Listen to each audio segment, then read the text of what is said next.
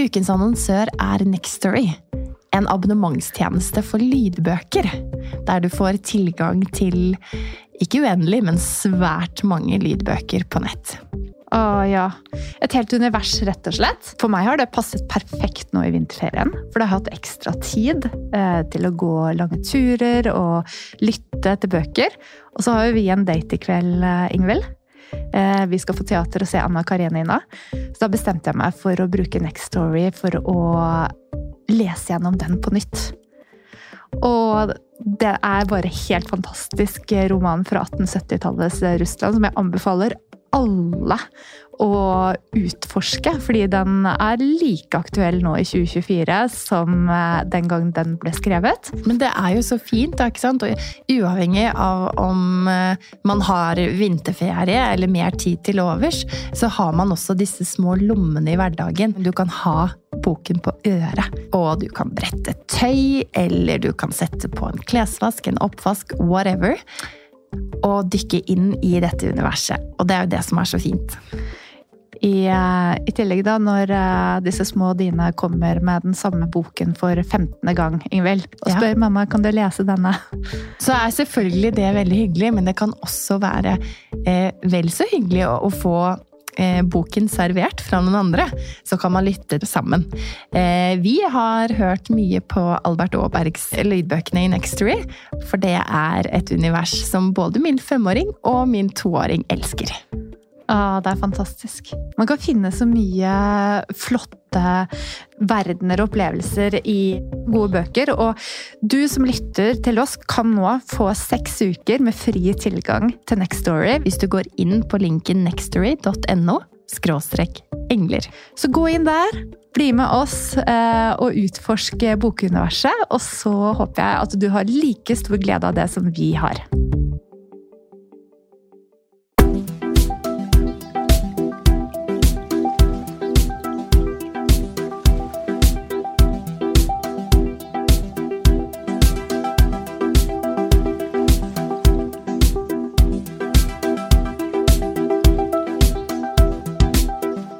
Velkommen til Engler og hormoner. Inspirasjon og ny kunnskap om helse, selvutvikling og livsstil.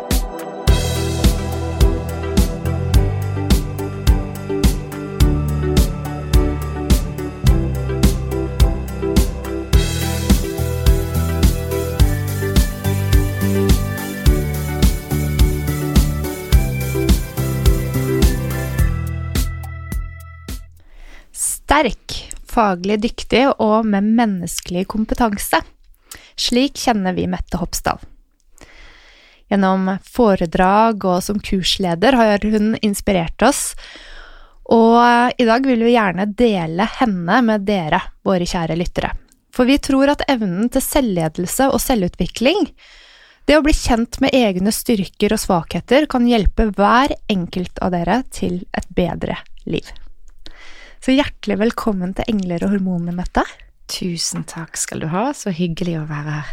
Mm. Ja, det er det. Og så utrolig fint at du kunne ta med deg den kompetansen som du har fra næringslivet, inn til oss, og vise oss hvordan vi kan bruke den kunnskapen til å lede oss selv i eget liv. Det er veldig gøy å være her, og spennende med en podkast som faktisk eh, legger vekt på de tingene. For de tror jeg er så enormt viktig. Ja, vi hadde en liten samtale her før vi satte på opptak, og da snakket vi om hvordan alt dette egentlig er folkehelse, og hvordan det å se på et helt menneske eh, ikke bare som jobbpersonen eller som privatperson er viktig for at vi skal kunne ja, både prestere og levere gode resultater. Mm. Og ikke minst å ha det bra. Men kan ikke du fortelle oss litt mer om din rolle som DNA-direktør? Det er mm. kanskje et nytt begrep for eh, ganske mange. det antar jeg. Jeg pleier alltid å si at DNA-direktørtittel, det er jo en, eh, en eh, tittel som gir mer spørsmål enn svar. Men eh, jeg jobber eh, som DNA-direktør i ICE. Eh, og det har jeg gjort i nå tre år. DNA-direktør, det er jo en, en, ny måte å En ny måte å egentlig definere HR-direktørrollen. altså ansvarlig for alt som har med mennesker og den menneskelige dimensjonen i et selskap å gjøre. Eh, det at man kaller og velger å kalle det for DNA-direktør eh, istedenfor HR-direktør, det gir jo i seg sjøl en ganske klar indikasjon på at eh, det er et paradigmeskifte på gang her, Mm. hvor dette å se på mennesket eh, fra et litt annet perspektiv, det har mye verdi. Og da snakker vi om dette her med kultur, at folkene våre er både i stand til å gjøre en god jobb for oss, og ikke minst at de har lyst å gjøre en god jobb for oss. Så DNA handler jo om det vi står for, måten vi gjør ting på, eh, det avtrykket vi setter etter oss i en organisasjon. Det er viktig. Så bra. DNA, det nye arbeidslivet. Mm. Paradigmeskifte. For vi eh, beveger jo Altså, teknologien, da, den eh, skjer jo i en rasende utvikling. Og så er det mennesket vi må se på. Mm. Det er det.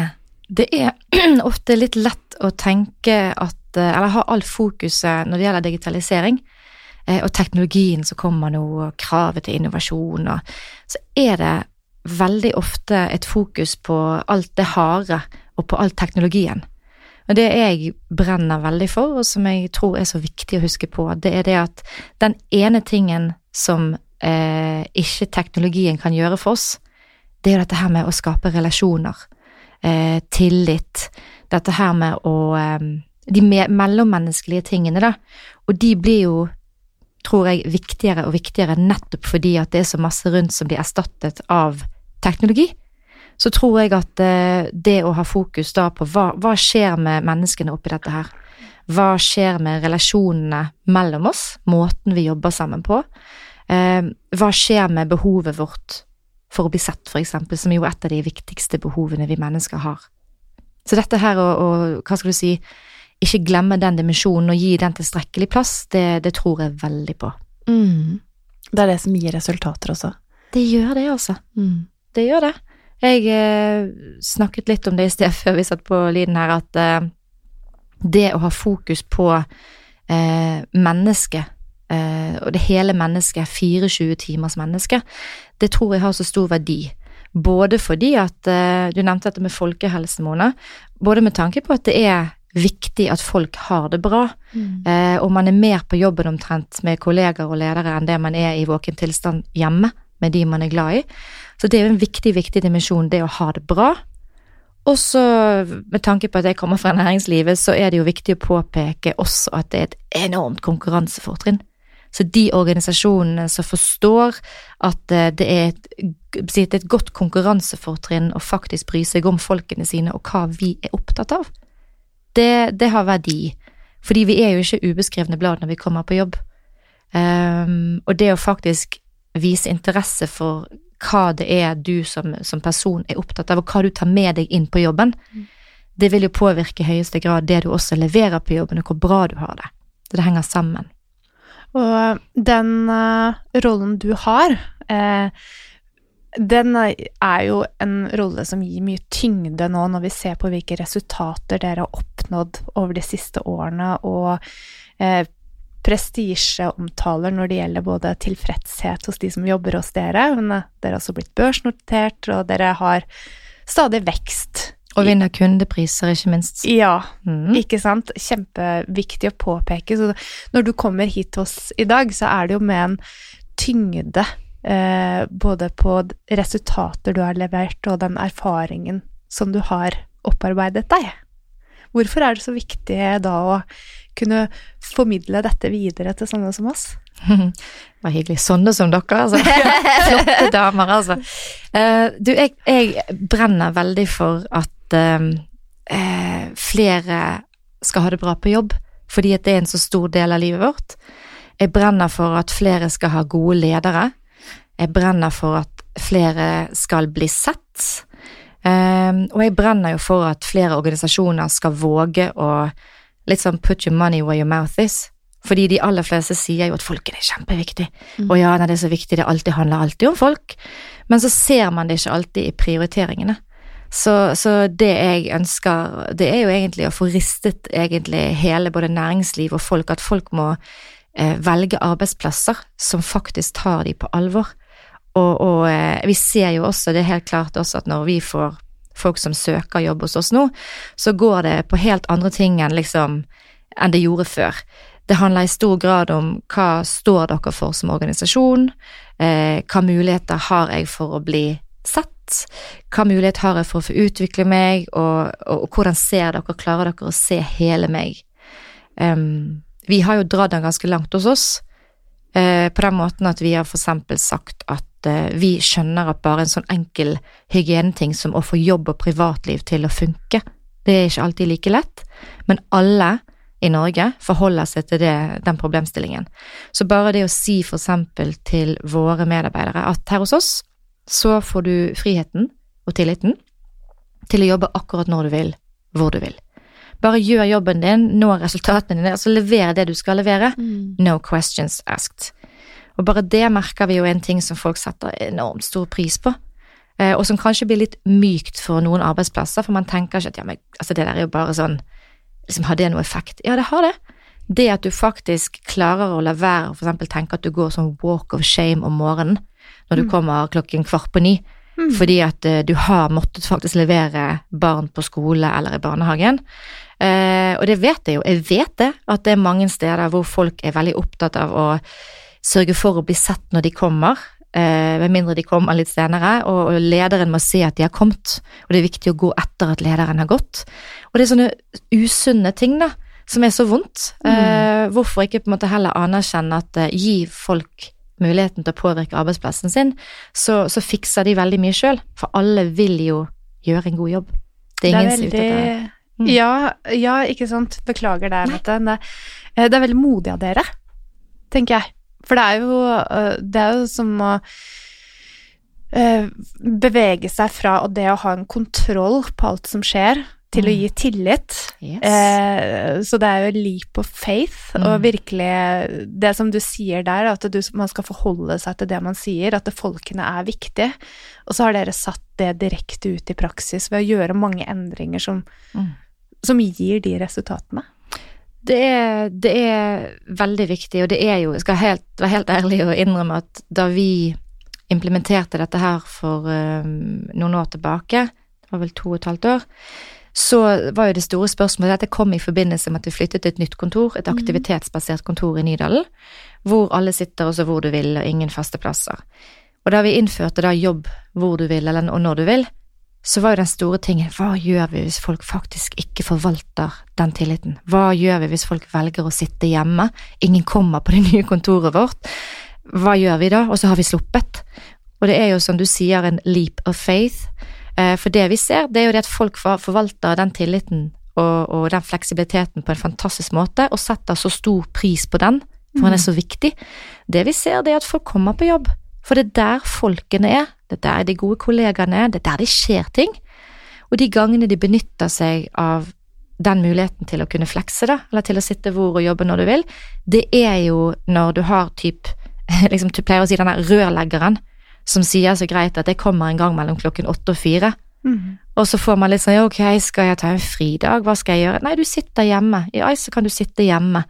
Jobb, sørg for at dagen går rundt, og at den på en måte klaffer med de praktiske tingene. Og det er de gangene våre medarbeidere bruker den fleksibiliteten. Mm. Eller et, eh, et barn som skal til skoletalleggen klokken halv tolv.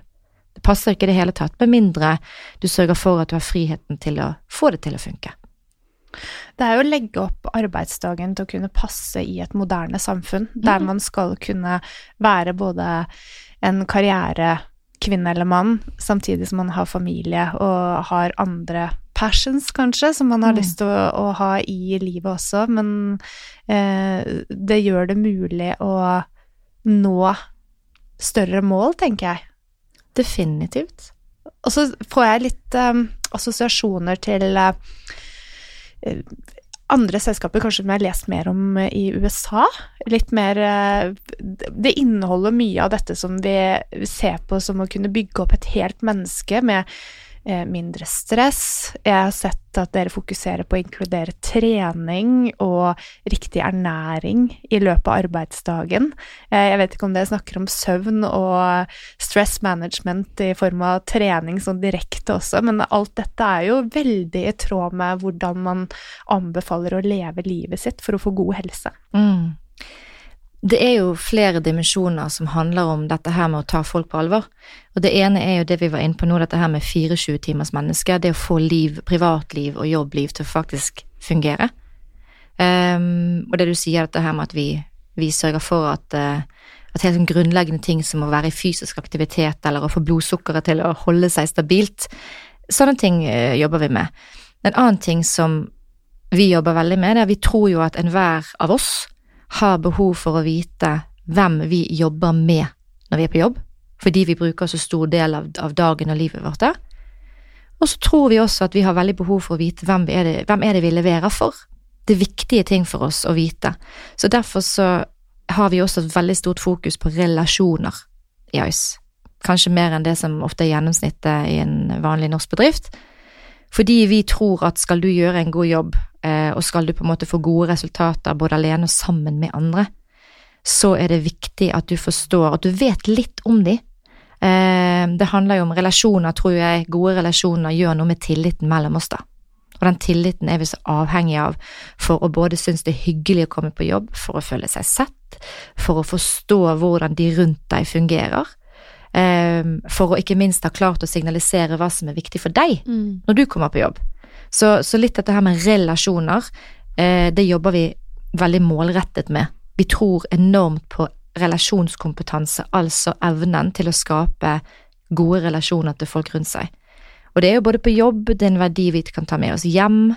Hvis du tenker på eh, ektefeller, barn, kunder, venner, familie så er det jo alltid et spørsmål om relasjoner. Mm. Hvor mange ansatte har dere? Vi har eh, per nå, jeg må bare si at vi har vokst fra ti for typ ti år siden, til nå er vi 220, bikket 220 ansatte, og så er vi ca. 100-150 konsulenter som er inne der til enhver tid. Så det ganske, begynner å bli ganske folksomt men, eh, i forhold til sånn som vi var. Men vi skal jo aldri på en måte bli gedigent. Det er jo en av våre ting. Vi, vi, skal på en måte gjøre samme jobben som Vi utfordrer jo konkurrentene våre som Telia og Telenor, men vi ønsker å gjøre det på en annen måte. Med eh, aldri bli sånn veldig, veldig tungt, eh, men ganske dynamisk og lekent og eh, hva skal man si, fleksibelt miljø med færre, men virkelig, virkelig dyktige mennesker som leverer hele seg der. Mm. Men jeg tenker, så mange mennesker, og så forhold og relasjoner. Det, er, eh, det høres jo fint ut når du sier det, men jeg tror de aller fleste av oss kan kjenne litt på at bare det å ha en god relasjon til ja, sin sjef eller sin ektefelle eller eh, barn eller hvem det nå skal være, så er det ikke alltid like enkelt det å forstå den andre og kommunisere godt. For du, du sa så mange fine ord, men med så mange medarbeidere. Mette, mm. hvordan gjør det dette i praksis? Det som er viktig når man snakker om relasjoner med tanke på en arbeidsplass, så handler det jo om å lage arenaer hvor relasjonene blir pleiet. Altså hvor man faktisk har muligheten til å snakke sammen, eh, om, ikke minst om ting som betyr noe. En praktisk ting vi gjør, for eksempel, det er jo at vi har de fleste har sikkert statusmøter, altså innimellom at du tar en prat med lederen din, og så er det liksom sånn, hva, hva skal gjøres nå? Da går det veldig på sak, sant. Hvor langt er du kommet, hvordan trenger du hjelp til noe? Vi har faste eh, møter hver sjette uke hvor vi kaller det en utviklingssamtale. Hvor vi på slutten av de vanlige møtene med lederen din legger vekk PC-en og liksom tar den her 'hvordan går det egentlig'? Hvordan har du det? Mm. Eh, du får tilbakemelding, personlig tilbakemelding på hva lederen din mener om de tingene du virkelig nagler og gjør bra. Og også de tingene at 'kjære deg, jeg ønsker du skal lykkes', så det jeg ønsker som din leder at du skal ha fokus på nå fremover, det er dette. Og på slutten der så har vi også liksom eh, For vi gjør dette etter et visst system, og da sier vi også er det noe annet vi skulle snakket om? Og da får du på en måte den Da kommer det ofte veldig mye som man kanskje ikke tar i full fart i en veldig travel hverdag, men når du opplever at lederen din setter seg ned, nå er det liksom Nå er det meg og deg. Hvordan går det? Da får du plutselig vite om eh, du, jeg har det ganske tøft nå, fordi at eh, det kan være altså, det kan være jeg er midt i et uh, tøft uh, samlivsbrudd. Jeg har eh, problemer med problemet mitt, barnet mitt har problemer på skolen. Eh, jeg er helt overarbeidet. Jeg vet ikke hvordan jeg skal prioritere. Jeg er stresset. Hva som helst. Mm. Det kommer da, så det er snakk om å lage, legge opp til de arenaene hvor man føler seg trygg, og hvor man kjenner at her kan vi prate. Og så trener vi jo eh, Vi trener jo også folkene våre nettopp i å lære grunnleggende ting om hvordan mennesker tenker. Så vi har jo eh, for eksempel på ledertreningsprogrammet vårt, hvor alle lederne våre nå eh, nesten er ferdig med å ha vært gjennom et stort program, så trener vi jo spesifikt i dette her med hvordan lager du gode relasjoner til de du har rundt deg. Hvordan ser du folkene dine? Hvordan viser du interesse? Hvordan skaper du tillit? Og en av de tingene som vi også har trent våre ledere i, det er for eksempel dette som heter disk. Ja, for det Ja. var det vi gjerne ville komme litt mer inn Skjønte på. det. mm. Mm. Eh, vi er opptatt av at eh, vi tror det er en enorm fordel det å kunne å skjønne deg selv, altså grunnleggende ting ved deg selv. Hvorfor prioriterer du sånn som du gjør? Hva er viktig for deg? Og så tror vi at det er viktig at du vet litt det samme, at du har en grunnleggende forståelse av at folk er forskjellige, og hva som gjør at noen mennesker alltid eh, Hva skal man si Hva som gjør at du syns noen mennesker er skikkelig hyggelige, Mm. mens andre syns du liksom er helt håpløs. Hva er det som gjør det? Jo, det handler jo eh, stort sett ikke om at folk er dust, det handler jo om relasjoner og, at, og ikke minst prioriteringer. Noen prioriterer lik deg sjøl, andre prioriterer annerledes enn deg sjøl. Så det å ha, å få litt sånn grunnleggende trening og opplæring i å forstå hvem du faktisk leder, hvem du jobber med, og at de skal forstå hvem du er, det, det tenker vi er veldig avgjørende når du skal få noen til å jobbe sammen. Mm. Så når vi nå kommer litt inn på dette her med disk, da, og disk er jo et verktøy som eh, hvor du får vite ja, hva skal man si, um, ulike personlighetstrekk, for det sier jo ikke noe om hvem du er som menneske, Niks. Men det sier noe om dine kvaliteter, kanskje? Mm. Jeg, jeg tror at uh, Hva skal man si Det har vært mye snakk om disk i det siste hvor det har blitt litt sånn uh, sensasjonspreget. Og det er viktig også bare få kommentert at eh, det finnes ulike typer disk. Det er nesten som at man kan si i dag at eh, en del yrkesgrupper så er det fullt av folk som kan kalle seg for et eller annet fordi at man har lest en bok, mm. mens andre har lang, lang, lang erfaring og utdannelse. Og sånn er det med disk også. Eh, jeg er sertifisert i Everything Disk fra Wiley. Og et viktig poeng for meg er i denne tiden hvor det har vært mye snakk om disk og litt sånn sensasjonelt, sant. Ja, du er så rød, du er så gul, og han er typisk grønn.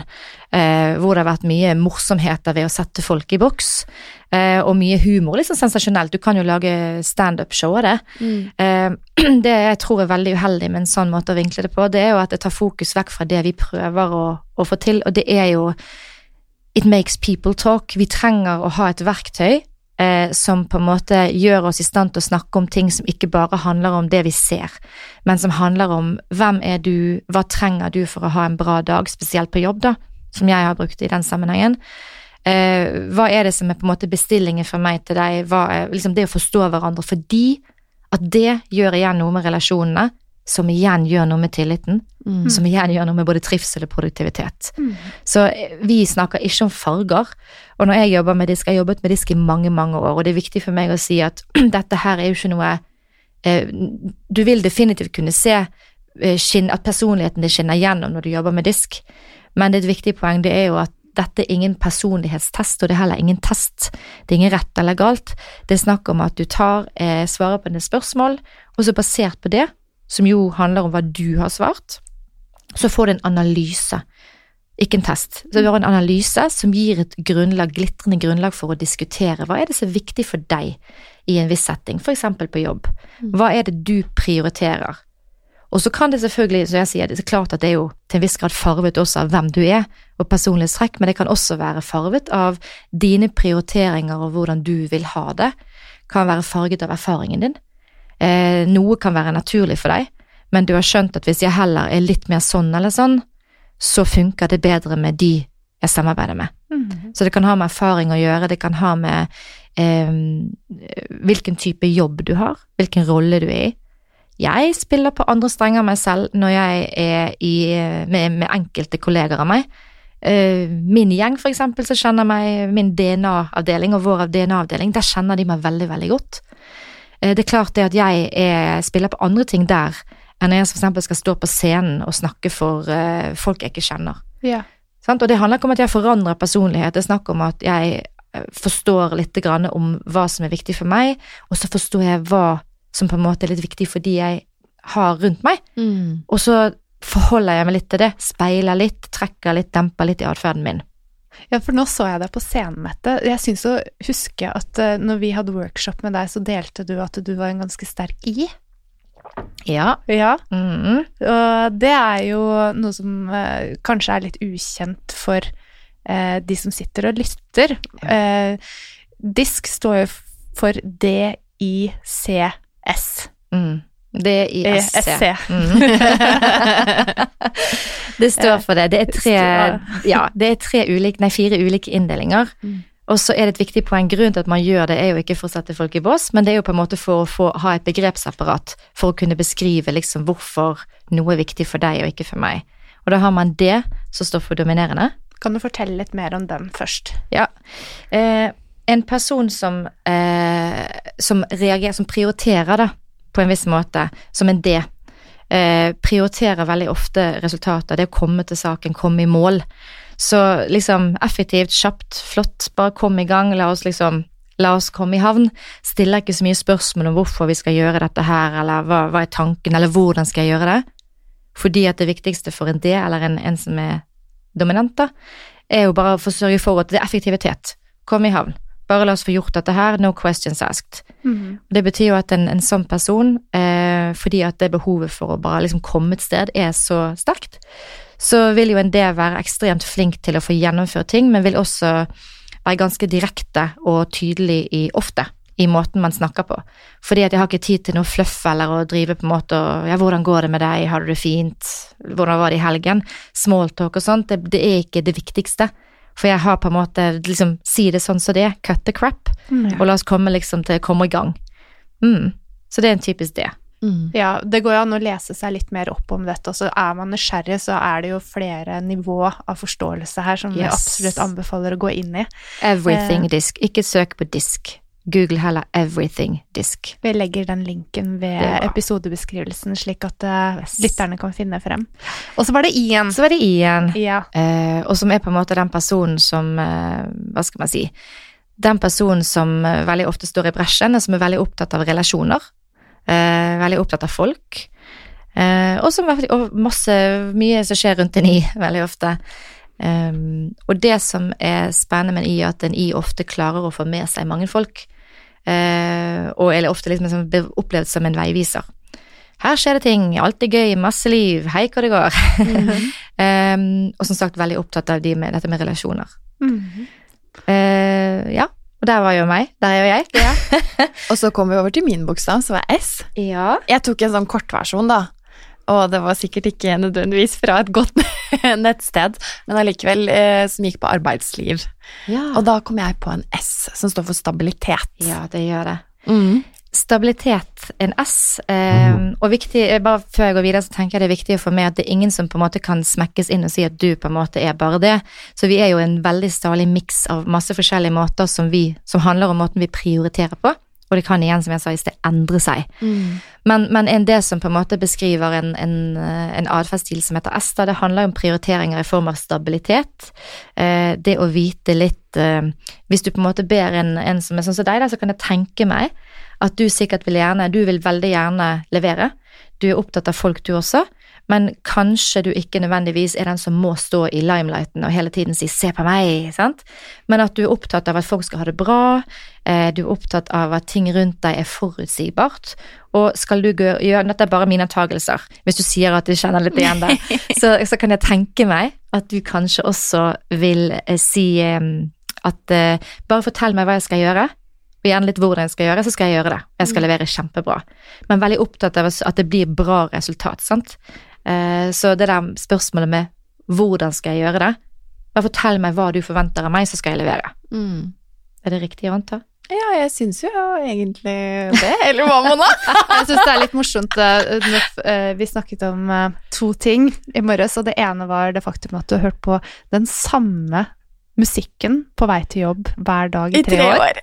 Fantastisk. Men det er det som setter meg akkurat i riktig Ja. mindset. Roer meg litt, Fantastisk. samtidig som jeg blir litt gira. Ja, ja. Jeg klarer ikke å skifte. Ja, men Det er helt nydelig. Men det er jo fordi at du prioriterer. Dette er viktig for deg. sant? Det er litt dette her med trygghet, det stabile. At du vet hva som kommer, og at du føles godt. Ja, men hvis du ikke vet hva som kommer, da har også Ingvild råd for deg, for hun vet hvilke syke- og uføreforsikringer som er de absolutt beste. Du, det kan jeg tenke meg at du gjør. Fantastisk. Og for en fin ting å vite. Ja. Å, det er utrolig bra. Men, men dette som, det som vi gjør nå, er jo egentlig litt artig. Fordi etter man har tatt en analyse, sant, eller spurt, svart på det spørsmålet, så kommer du på en måte ut av Og det er ikke noe sannhet, for det er jo du som selv må si 'kjenner jeg meg igjen i dette her', eller har jeg på en måte For det er jo du selv som har svart, så det er dine input som gir dette her som en analyse. Mm. Men det er veldig morsomt, for akkurat det vi gjør nå, det er jo det som er litt spennende. Det er jo å sitte og diskutere hva som er viktig for deg, sant, Vil, og hva som på en måte er, og hva, hvor jeg er forskjellig, og så ler vi litt av det, og så kan vi på en måte, så blir det plutselig veldig ufarlig. Mm. Så, og istedenfor å snakke om at så fin skjorte du har på deg i dag, og jaså, så du jobber der og der, du er interessert i det og det, så begynner plutselig diskusjonen og dialogen eh, og kommunikasjonen å handle om hva som er viktig for deg, Mm. som jo er kjempeviktig for oss som skal være rundt deg, som skal gjøre det hyggelig for deg, som har lyst til å komme deg i møte, og ikke minst jobbe med deg. Mm. Så i alle settinger, det å faktisk forstå litt da, Ingvild, hva som er viktig for deg, det er jo Det kan jo ikke bli feil. Nei. Ja. Kommer liksom på det litt dypere nivået med en gang. Ja, du gjør det, og så er det mindre interessant at øh, liksom, vi, liksom mindre interessant å si ja, du er sånn typisk S. Det er jo helt uinteressant. Det interessante er jo dialogen, at du får et eller annet sånn input eller en inngang til å kunne snakke om hva er det som betyr noe for deg. Og, og, og hva er det på en måte eh, For meg, da, som, er, som jeg snakket om et sted som er en i, i enkelte sammenhenger. Jeg blir nok aldri noe annet enn i, men jeg spiller Jeg kan eksempel være Det fins jo noe som heter ID, hvor man har en blanding av det. Så avhengig av hvilken setting jeg er i, så kan jeg også være høy og mørk og veldig tydelig og mye mer bestemt enn jeg nå. Men det kommer an på settingen jeg er i, hva jeg prioriterer. Men meg og deg nå, for eksempel, Mm. det er jo litt artig. Skulle vi jobbet sammen? Skulle vi gått inn i et prosjekt sammen? Skulle vi hatt, vært venninner? Eh, så tenker jeg liksom bare at det er jo interessant å forstå hvordan vi påvirker hverandre. Hvordan mitt, for eksempel, min væremåte med at jeg er litt armer og bein, jeg brenner sinnssykt for det jeg gjør, og alle ser veldig godt engasjementet mitt. Hvordan det på en måte funker med deg, som er en varm, åpen, fin person på tilbudssiden når det gjelder folk, sant? Jeg kan tenke meg det uten at jeg kjenner det. Er hun, jeg får spørre Mona, er Ingvild en, eh, en raus person mot vennene sine? Absolutt. Ja, for det er sånn typisk en S. Varm. Det er ingen som har noe vondt å si om en S, fordi at de er så enormt flinke til å ta hensyn og være der og se og høre. Jeg tror det er veldig mange av oss som kan skrive under på det. Så hyggelig. Ja. Ja. Wow. og så har man den siste, den siste bokstaven, som jo er C, og som står for kvalitetssøkende. Som handler om eh, folk som i større grad enn andre kanskje prioriterer dette her med at har behov for struktur. Og at ting skal være faktaorientert. Eh, at det er logisk fundament i det man sier, at det ikke er noen logiske brister. Eh, og som blir litt sånn oppgitt når sånne som for eksempel meg eller DR kommer og er liksom kjempefulle av liv og har masse gode ideer, men vi har ikke tenkt på hvordan vi skal lande det. Vi har bare tenkt hvordan vi skal få det i gang. Og så har du sånne fantastiske folk som S-ene, og ikke minst C-ene, som er jo veldig opptatt av at men det må bli riktig. Vi må jo sørge for at liksom, vi vet hvorfor vi gjør det. Eh, hva skal til, og har vi tenkt nøye over det? Har det på en måte fundament i noe som er rasjonelt, sant? Så med en gang Og det viktigste her er ikke å ha rett eller putte noen i bås, det viktigste her er jo i en ufarlig setting å kunne begynne å snakke om ting som er viktig for at du skal forstå. For, for jo mer vi vet om hverandre, jo mer vi skjønner prioriteringene til hverandre og, og, og tilbøyelighet til atferdstrekk, da, så skjer det jo magiske ting. For da kan jeg på en måte begynne å forholde meg til deg sånn som jeg tror du vil ha det. Eh, og ved det så får vi både en god relasjon. Dette her er jo ting som veldig mange bedrifter også bruker fordi at de har skjønt at mot kundene, for eksempel, så det, det er liksom vanvittig sjakktrekk å tenke hvordan skal kundene føle at jeg forstår dem? Sant? Hvordan skal kundene oppleve at jeg virkelig ser de og forstår de og vil de vel, og prøver å finne løsninger som de har, altså på problemer eller, eller behov som de har. Så dette her er jo mer og mer satt i system. Mm. Mona opplevde jo at hun er litt av alle. Ja. Uh, ja, det var den kortversjontesten. Jeg har vært så heldig å ha vært med Ikke test. Du har ikke vært på noe test. Det analyse? Hilsen Mette. Så jeg var på analyse med deg, Mette, og da var jeg ganske likt fordelt mellom I og C. Mhm. Det var det resultatet jeg Ja. fikk. Mm. Og det er jo litt morsomt, fordi at hvis man ser for seg Nå eh, ser jo ikke dere som er hjemme den sirkelen, men hvis man ser for seg en sirkel hvor D, I, S og C er plassert rundt, så er I-en og C-en er jo diametralt motsatt plassert. Mm. Fordi at veldig ofte folk som prioriterer ting som en typisk I, eh, det handler om at man ikke er så opptatt nødvendigvis av detaljene, eh, det er liksom eh, Hva skal man si? Play it by ear, få i gang ting, igangsetter. Mens en C, som da er helt på andre siden av, av sirkelen, er som jeg sa i sted, opptatt av at ting skal være riktig. Opptatt liksom av kvaliteten på ting, og at, eh, at eh, ja, man leverer ordentlige saker fra seg. Så det er liksom spennende på en måte. Man kan fint eh, være det ene, men ha elementer av noe annet. Så hadde det vært spennende å egentlig hørt Hadde vi hatt bedre tid, så kunne det vært interessant å høre når du når på en måte bruker de de ulike. For det kan jo godt hende at du er en person som eh, i noen settinger som, som stort sett er på en måte eh, veldig imøtekommende, opptatt av relasjoner, folk, sant. Det opplever jeg liksom. Jeg kjenner deg lite grann. Eh, men det er klart det at inni din jobb, så det er klart det at der, der er du nødt til å faktisk gjøre ordentlige ting. Det nytter ikke å si ja, jeg kjenner på meg at dette her vi skal ordne. Du må jo bruke på en måte fakta. Mm. Sant? Det er veldig opptatt av det å på en måte play it by ear, Mm. når du, avhengig av hvilken type jobb du har. Så tenker jeg at det ville ikke funket så veldig godt. Så det kan godt hende at uh, du på en måte har behov I jobben din så er det behov for at du prioriterer uh, ting som på en måte er at her må jeg gå systematisk til verks. Eh, jeg skal på en måte prøve å hjelpe noen som kommer inn her som har et behov. Mm. Så her må jeg på en måte jeg må følge en prosedyre. Jeg kan ikke på en måte bare si nå tar vi det, og så kjenner vi på oss hvor dette blir hyggelig. Sant? Altså, du bruker to forskjellige deler, Mm. og det er helt fine. Det må jo være den perfekte kombinasjonen, da. Jeg føler at jeg er veldig hjemme i akkurat den analysen, både med podkasten her, at vi forbereder oss Ja. og finner detaljer, og så sitter vi her og får lov til å være der ute. Holde foredrag på konferanse, som jeg var i helgen, der du må forberede noe som du igjen presenterer. Det, ja, det syns jeg føles fint. Er- det er veldig spennende. hjemme. Mm. Og det at du eh, har en, en grad av selvinnsikt, det at du forstår litt om hvordan du fungerer, sånn som du nå snakker om, og ikke minst at du også, eh, hva skal man si, utvikler en form for selvutsikt, altså hvordan måten du er på, virker på folkene rundt deg. Mm. Det er en vanvittig styrke å ha i alle sammenhenger. Det er å kjenne seg selv og forstå hvordan du virker på folk rundt deg. Mm. Det kan jo være litt vanskeligere, tenker jeg. Mm. Fordi uh, i den prosessen tenker du at man mm, skal mer registrere selv hvordan man virker på omgivelsene, eller bruker du konkrete tilbakemeldinger til enkeltpersoner for å ja, gjøre dette til en læring? Jeg tenker at jo mer du kjenner deg selv, og forstår eh, hvordan du fungerer, og kanskje til og med sånn det som vi er fint, syns jeg, med å bruke Everything Disk, da, det er at du får et begrepsapparat eh, til å kunne sette ord på det. Så i det øyeblikket du både eh, begynner å forstå litt hva som er viktig for deg sjøl, du begynner å få et begrepsapparat og kunne faktisk sette ord på det, så er du kommet ganske langt. Det med selvutsikt, det kan du få på flere måter. Det ene er jo å klare å se Sant? Lese folk. Hva skjer med andres kroppsspråk når du er på en viss måte? Sant? Det er jo å observere. Eh, det krever jo igjen litt, da, skal du ha den grad av selvinnsikt også. Men det andre tingen som er spennende med en annen måte å få selvutsikt på, det er å spørre. Det er akkurat som du sier, be om tilbakemelding.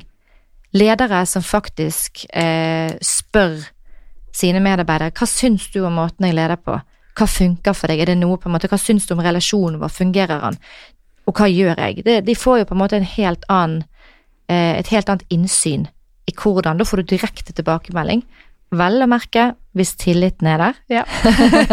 og relasjonen Er der. er, du tankeleser? Mette? Det krever jo selvfølgelig at tilliten er der, men, men det er veldig stilig, syns jeg, med ledere som har baller nok da, til å eh, si du, vet du hva, hvordan syns, hvordan syns du dette funket? Var jeg, var jeg, var jeg spot on nå, eller bommet jeg på, på det du trengte? Mm. For da får du igjen økt selvutsikt og selvinnsikt ved å faktisk spørre. Ja. Jeg hang meg litt opp i sted, når du snakket om denne D-en, så, så beskrev du det som høy og mørk. At når du går på scenen, så kan du bli høy og mørk. Mm. Er det en typisk mannlig eh, personlighetstrekk eller analyse? Eh, jeg skal på ingen måte si at eh, For da kommer jeg i den der eh, sensasjonelle. Å, Ja. det er så type, du er så, du er så høy og mørk, du, så du er så typisk det. ja. Nei, det skal jeg ikke si. Men eh, hvis du tenker på en, en, en D som en person som, som eh, vet hvor du vil, vet hvor du skal, veldig trygg på seg sjøl, smekker av gårde, sant, Mm. så eh, kan du si at når du har en mannlig idé, så er det ingen som tenker over det. Nei, for Nei. det er oppfølgingsspørsmålet. Ja. Er det sånn at kvinner er forventet å være i ulike Det, kan, det, det, det er jo ikke noe fasitsvar her. Det vi gjør nå, det er å diskutere Mm. spennende vinklinger. Jeg, jeg må jo si at jeg har Jeg personlig ser tendenser til at når kvinner eh, prioriterer som en D, og, og på en måte opptatt av å bare liksom Ok, nå må vi bare være effektive, kjøre på. Alle sammen bor, her går vi. Eh, og er på en måte direkte i, i måten man snakker på, og unngår det der eh, liksom Hei, og liksom Så eh, opplever jeg at det er litt mer eh, Da kommer du litt mer i en bås.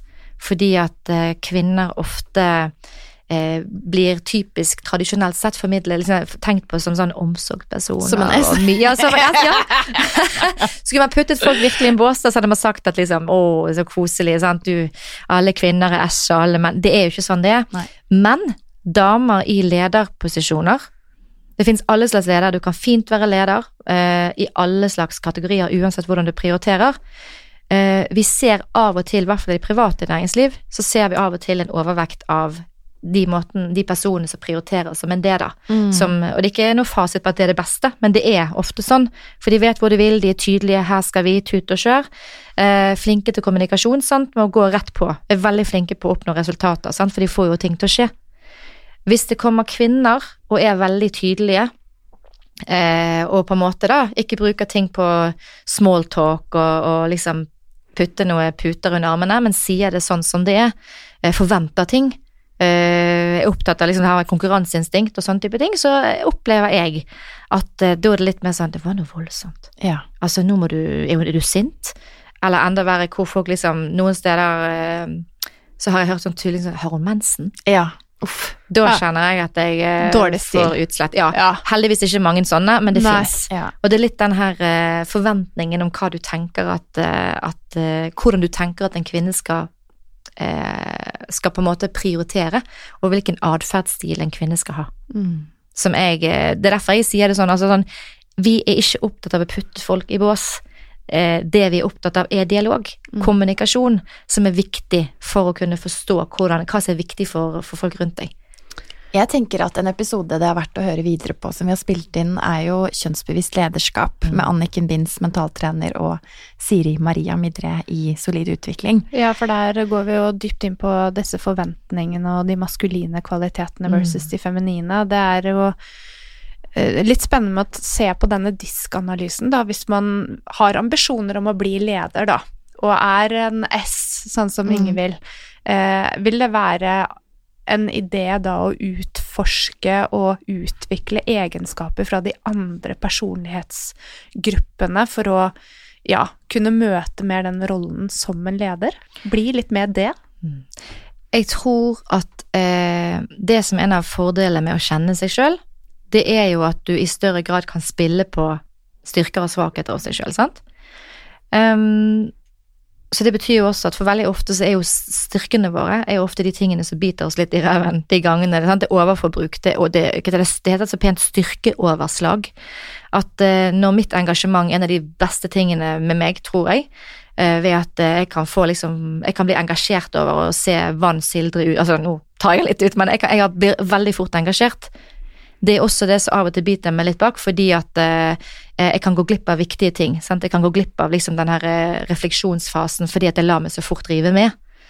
Så, så jeg tror at å, å kjenne sine egne styrker og, og svakheter er smart.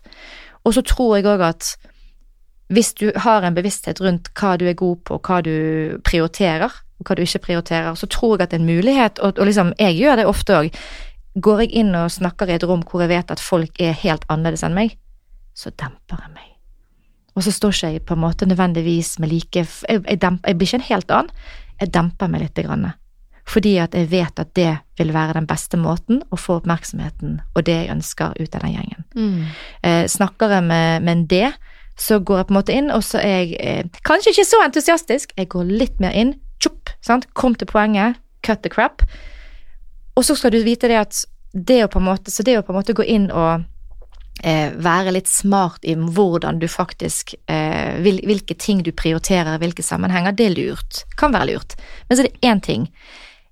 Jeg merker jo, når jeg eksempel er med min væremåte og min prioritering, når jeg er i en sammenheng hvor det er masse, masse mennesker som er skrudd sammen helt annerledes enn meg, så eh, når jeg eksempel går inn i en setting da med masse mennesker som er opptatt av at ting skal være faktaorientert, saklig, eh, litt roligere, litt roligere nivå, sant, eh, gjennomtenkt, så kjenner jo jeg at jeg kan fint dempe meg, men da er jeg helt utslitt etterpå. Mm. Ja. For det har tatt meg så enormt mye, for det er ikke min naturlige måte å være på. Og det tenker jeg er en fin ting å reflektere over, for det er mange som snakker om dette å bli tappet for energi, og hvor er det du får påfyll, og jeg Mm. tenker i de gruppene så går det også an å se litt på kvalitetene på disse personlighetstypene, og så se om du kan trekke ut noe som kan hjelpe deg til å håndtere de situasjonene bedre, eller legge inn nødvendige pauser. Ja. Ja. Mm. Jeg, jeg tror at man som sagt, eh, avhengig av erfaring, eh, type stilling, eh, ting du har opplevd, så vil du kunne klare å spille på forskjellige sider og, og, og klare å liksom tenke at her skal jeg nok eh, spille på en annen side av meg sjøl. Mm. Men jeg tror du skal være litt obs på å bevege deg for langt unna det som ligger naturlig for deg. Fordi at både for dette her med at det tar mye energi, men du kan bli veldig, veldig sliten og nesten sånn jeg kan ikke, jeg vet at jeg er en person som leverer bra på de områdene jeg jobber med, Mm. men sett meg i en situasjon hvor arbeidsoppgavene krever det helt diametralt motsatte av meg, så går jeg fra å være en person som jeg anser som å være oppegående, Mm. til å bli en skikkelig eh, liability. Til å bli en skikkelig person som virkelig ikke bidrar. Ikke fordi jeg ikke er rett person, men jeg er feil, rett person på feil sted. Ja. Så jeg husker en gang noe som gjorde så inntrykk på meg, og det var en leder som eh, var så utrolig fornøyd med sin medarbeider. Eh, og denne medarbeideren var en S. Mm. Denne lederen var D. Eh, og lederen hadde så liksom syntes at denne S-en var helt fantastisk og var så trygg og god og varm, og hadde så lyst til at den personen skulle ta da damenes tale på, en, eh, på et stort, stort julebord. Eh, hvor eh, han sa det at du, hør på meg, det er julebord om to uker. Eh, har full tillit til liksom at dette her blir knallbra. Og den stakkars S-en, nå putter jeg det litt i bås men bare for lettets skyld, denne personen eh, liksom sier da, og har du ikke lyst til å skuffe sjefen? Så sier de at ja, ja, det kan jeg sikkert. Ja, men du er så flink. Har, å, du er fantastisk, og folk digger deg. Så det, det syns jeg du skal gjøre. Og sjefen mente det jo, lederen mente det jo som en tillitserklæring. Eh, og den eh, S-en, stakkars, han jobbet i to uker på spreng med å Han brukte, tok all energien de to ukene, eh, og gikk på scenen. Leverte en damenes tale så det sang etter. Det var en av de beste talene som noensinne hadde vært holdt. Dagen etter så ble han sykemeldt, og var sykemeldt i to uker. ja. Altså, det tok alt. Det sier sitt, men det er ganske morsomt, da, fordi jeg ble bedt om å holde damenes tale, ikke bare, nei, herrenes tale, ikke bare én gang, men to ganger! Ja, sant. Så det er litt morsomt. Jeg gjorde det jo, men eh, ja. Men det, det var viktig å vite om de tingene. Mm. Så, så Ble du sliten, Ingrid? Eh, Ja, ganske sliten, og jeg koste meg jo ikke i det hele tatt under middagen, så det, man må vite hvor man legger oppgavene som leder, altså. Ja, nei, Det er kjempeviktig. eh, Det er veldig fint beskrevet, og jeg tror nok um, man kan få noen uh, Ja. Man kan bli litt klarere, og få, det kan gå opp noen lys. Uh, bare i forhold til hvordan hverdagen fungerer, og sikkert også til hvordan man setter sammen team. definitivt. Ja. Med tanke på å, å forstå at det er jo ingenting Det er jo ingen av disse, når vi snakker om DIS og C eller diskstiler, så er det jo ingenting som er eh, mer riktig eller bedre stil enn noe annet. Mm. Og det handler jo om en erkjennelse at eh, du er helt avhengig av andre for å få ting til å gå rundt, både på jobb og hjemme. Du er avhengig av folk rundt deg, og da må du ha folk som representerer ulike ting. Mm.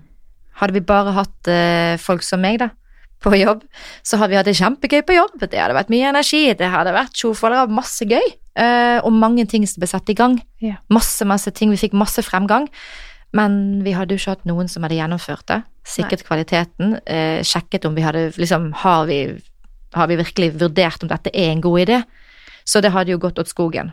På samme måte som at hvis du hadde hatt masse folk som var utelukkende opptatt av kvalitet, og at ting skal gjøres 100% så hadde det vært utrolig bra leveranser, men det hadde tatt veldig lang tid, muligens. Mm. Og kanskje man heller ikke på en måte hadde fått gjennomføringen av de.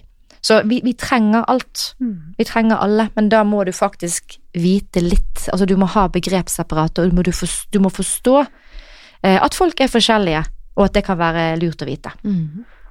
Navnet vårt er jo engler og hormoner, Mette.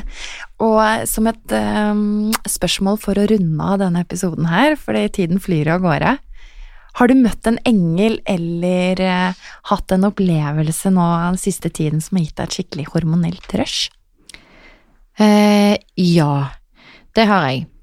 I går var en skikkelig drittdag. Eh, jeg hadde sovet veldig dårlig om natten, eh, og jeg eh, Det var mye trøkk på jobb, så jeg kjente at når jeg kom på jobb, så hadde jeg lite å bidra med.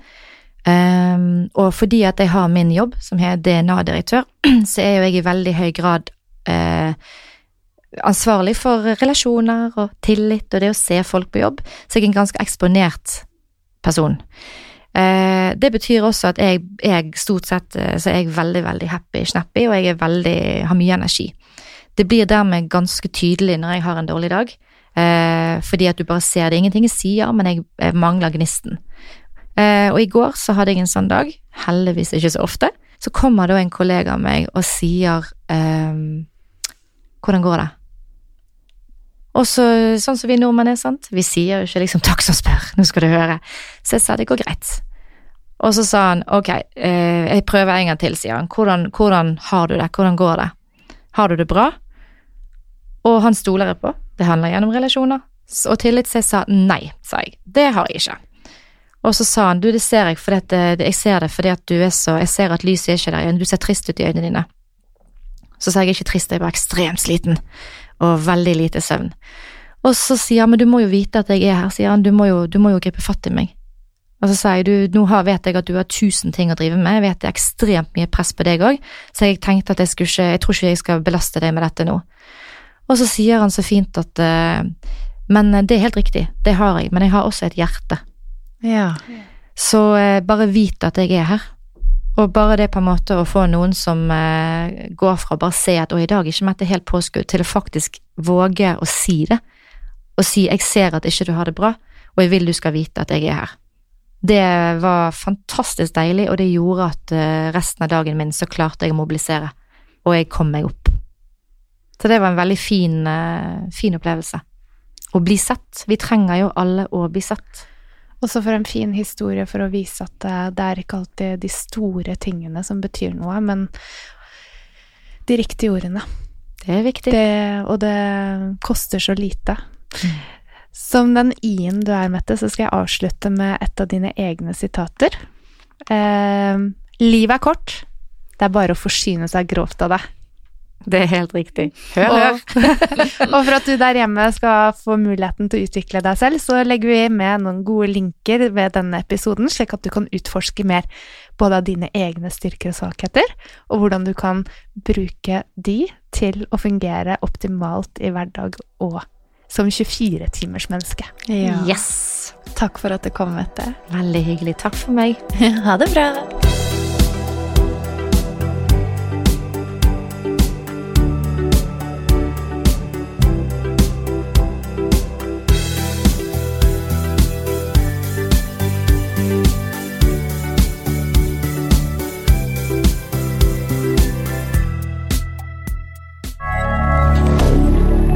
Moderne media.